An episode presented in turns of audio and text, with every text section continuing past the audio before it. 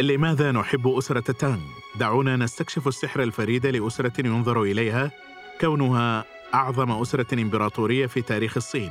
الحلقة السادسة اليابان تتعلم من نوابغ تانغ.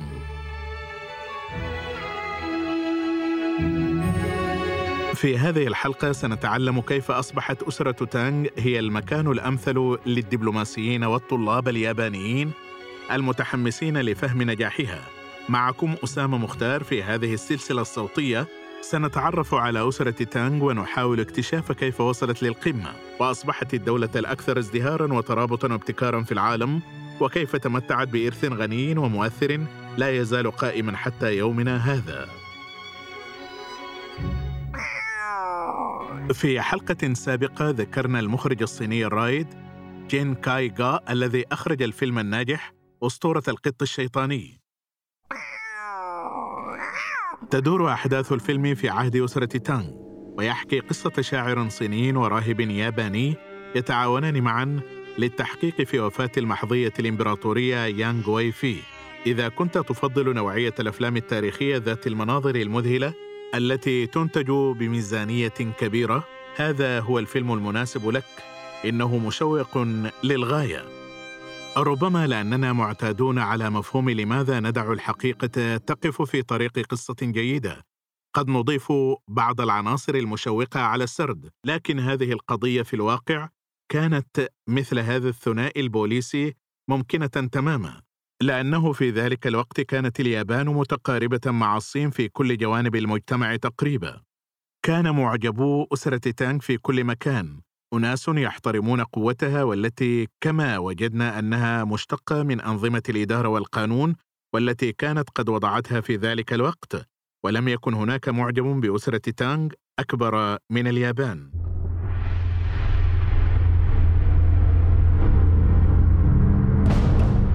بشكل عام يمكن تقسيم العلاقة بين أسرة تانغ واليابان إلى قسمين.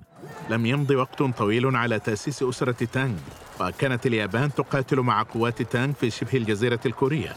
لقد كانت حربا بالوكالة حيث كان كلا الجانبين يدعمان قوى معارضة محلية. كانت خسائر اليابان في معركة بايجيانكو الرئيسية هائلة بينما تميز التانغ بمقاتلين أفضل تدريبا وتجهيزا. نتيجة لذلك تحصن اليابانيون وقاموا ببناء دفاعات تحسبا وخوفا من غزو تانغ. كانت أسرة تانغ أقل إزعاجا واستمرت في التعبير عن الصداقة تجاه اليابانيين وأعادت السجناء وصدرت الثقافة وما إلى ذلك. أدرك اليابانيون تدريجيا أنه من مصلحتهم أن يكونوا أصدقاء في المقابل. وأرسلوا مبعوثا لنشر السلام في عام 702 منذ ذلك الحين كانت العلاقة قائمة على التبادل الثقافي بالإضافة إلى عدد قليل من المبعوثين الوطنيين من اليابان. وكان هناك عدد كبير من الطلاب والرهبان الأجانب الذين يسعون للدراسة في الخارج أيضا. لا نتحدث هنا عن عدد قليل ربما يصل عددهم إلى 600 شخص في الدفعة الواحدة.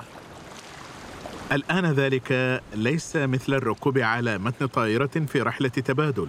يجب أن تكون جادا جدا برغبتك في زيارة أسرة تانغ يرجع ذلك إلى أن تكنولوجيا السفن اليابانية كانت متأخرة للغاية آنذاك لدرجة أن العديد من الأشخاص فقدوا في البحر ولم يصلوا إلى وجهتهم نهائياً.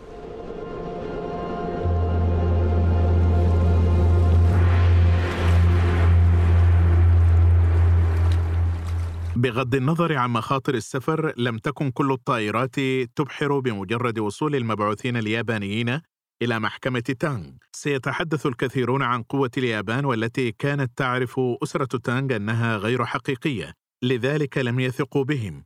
لكن هناك البعض مثل آواتا نوما هيتو مبعوث بلاط الإمبراطورة ووسي تيان كان متعلما ومهذبا وصادقا وكتب شعرا باللغة الصينية لذلك أصبح مصدقا. وأحبته أسرة تانغ وأحبه العالم أجمع. فجأة انطلقت سيرته الدولية كالصاروخ. عمل السفير بعد الآخر ليكون أفضل رفيق لبلاط أسرة تانغ.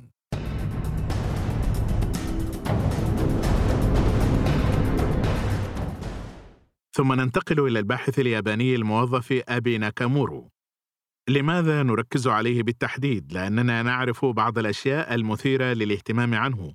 والسبب الآخر أن تجربته لم تكن نموذجية للطلاب اليابانيين الذين سافروا إلى أسرة تانغ سأشرح لكم.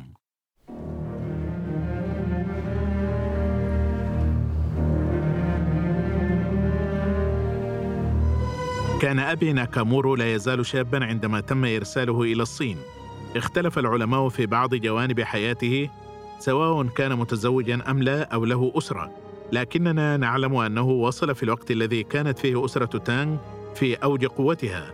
استغرقت الرحلة من اليابان ثمانية أشهر وكان واحدا من ضمن 600 شخص تقريبا في نفس الرحلة وكان الإمبراطور شوانزونغ على العرش. من الواضح كان المجيء للدراسة في العاصمة تشانغ آن تلك المدينة الصاخبة متعددة التأثيرات أمر في قمة الإثارة. على عكس العديد من زملائه الطلاب لم يعد ناكامورو إلى اليابان لتفريغ جميع المعلومات التي جمعها. بدلا من ذلك صعد السلم البيروقراطي للحكومة الصينية حتى شغل منصب محافظ في الصين. يظهر في الوثائق الرسمية والقصائد على أنه طالب متميز ذو مستقبل باهر تمتع بخلفية عائلية مرموقة. كان والده مسؤولا رفيع المستوى في اليابان مما ساعده على الالتحاق بأرقى مقاعد التعليم. الأهم من ذلك أن الإمبراطور كان يحبه وتواصل مع جميع الذين تجلب صحبتهم فرصا لحياته. كما جرت العادة غير اسمه إلى اسم صيني تشاو هانغ. كانت أهميته أنه جعل بلاط أسرة تونغ يميل إلى اليابان. كما زاد تدفق المعلومات والمهارات والتكنولوجيا والفنون والفكر من أسرة تانغ.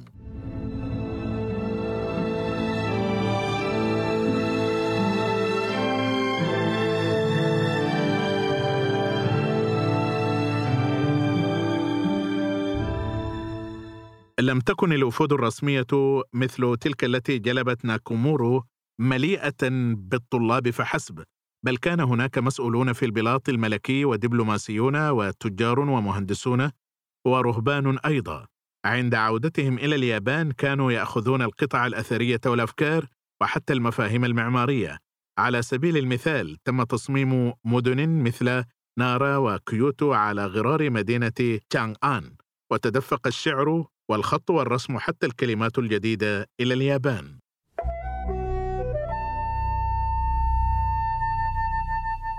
لم يكن التبادل بين الشعبين من جهة واحدة. حيث دعي الراهب الصيني المعروف تشيان تشان لإلقاء محاضرات في اليابان. فشل في الوصول إلى هناك خمس مرات حتى حققها عندما ناهز عمره الخمسة والستين عاما. بغض النظر عن الفكر الديني الجديد تعلم أيضا النحت والخط والطب. لا تسيء الفهم. أراد ناكامارو العودة لوطنه لكن الإمبراطور لم يدعه. رضخ في النهاية عندما صار ناكامورو كبيرا في السن.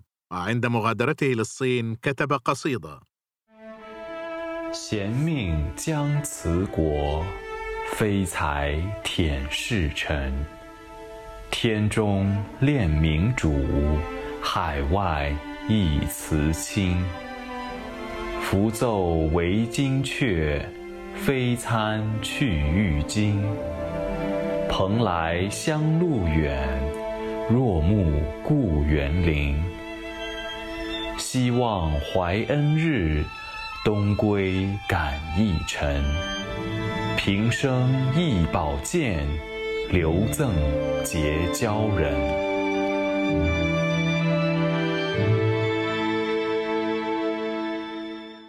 وتعبر القصيدة عن امتنانه لطيبة الصينيين واحترامه الدائم للإمبراطور وكذلك حنينه إلى الوطن ومعرفته بأن العودة كانت الشيء الصحيح الذي يجب القيام به ولكن هناك تحريف في قصته.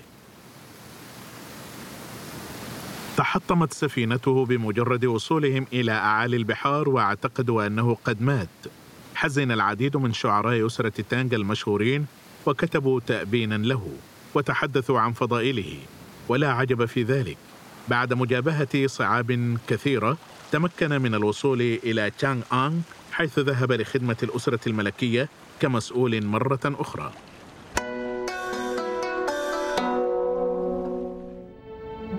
يمكننا أن نرى أن اليابان كانت معجبة بالصين منذ أسرة تانغ وتظهر حياة ناكامورو الحب المتبادل المستمر. الآن يجب أن نشير إلى أنه مثل أي مغامر آخر تكون قصته محفوفة بالمبالغات في روايتها. وبعض الأشياء التي تعلمها اليابانيون في الصين نسبوها لحياتهم بعد عودتهم إلى الوطن مثل جنكيز خان طبقا للرواية اليابانية.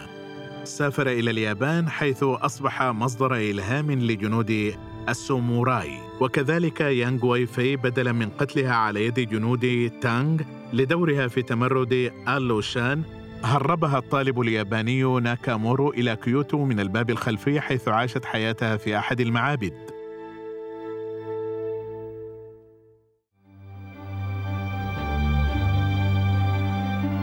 ربما تتساءل الآن من قتل؟ الإمبراطور الذي لا يزال يحبها وجد شبيها لها لقتله حتى أن هناك العديد من الأماكن في اليابان تشتهر بأنها مقبرة يانغ وي في لكنها تعمل فقط على تأكيد ولع اليابان بالصين إذا لم يكن هوس بالأشياء الصينية لكن انتظر ربما تقول كيف يحدث ذلك بوجود كل هؤلاء الدبلوماسيين والطلاب اليابانيين الذين يجوبون شوارع تشانغ أنغ عاصمة أسرة تانغ. ألم يلاحظ أحد؟ حسنا كان مواطنو أسرة تانغ سعداء بالحياة متعددة الثقافات لمدنهم. لكن الأهم من ذلك لم يسمح إلا لعدد معين من المبعوثين بالبقاء في العاصمة نفسها حيث أرسل البقية إلى بقاع مختلفة من الإمبراطورية. على سبيل المثال كان الرهبان يتوجهون إلى جبل ووتاي أو جبل تيانتاي مما يعني أن اليابان طورت فهما كاملا عن ثقافة تانغ أثناء جولتها لكن أسرة تانغ كانت بعيدة كل البعد عن تقديم ثقافة بلا مقابل. في نسختنا التالية سنكتشف ما طلبته أسرة تانغ مقابل تنزيل هذه المعلومات لليابان. شكرا لكم لحسن استماعكم وانتظرونا في الحلقة القادمة.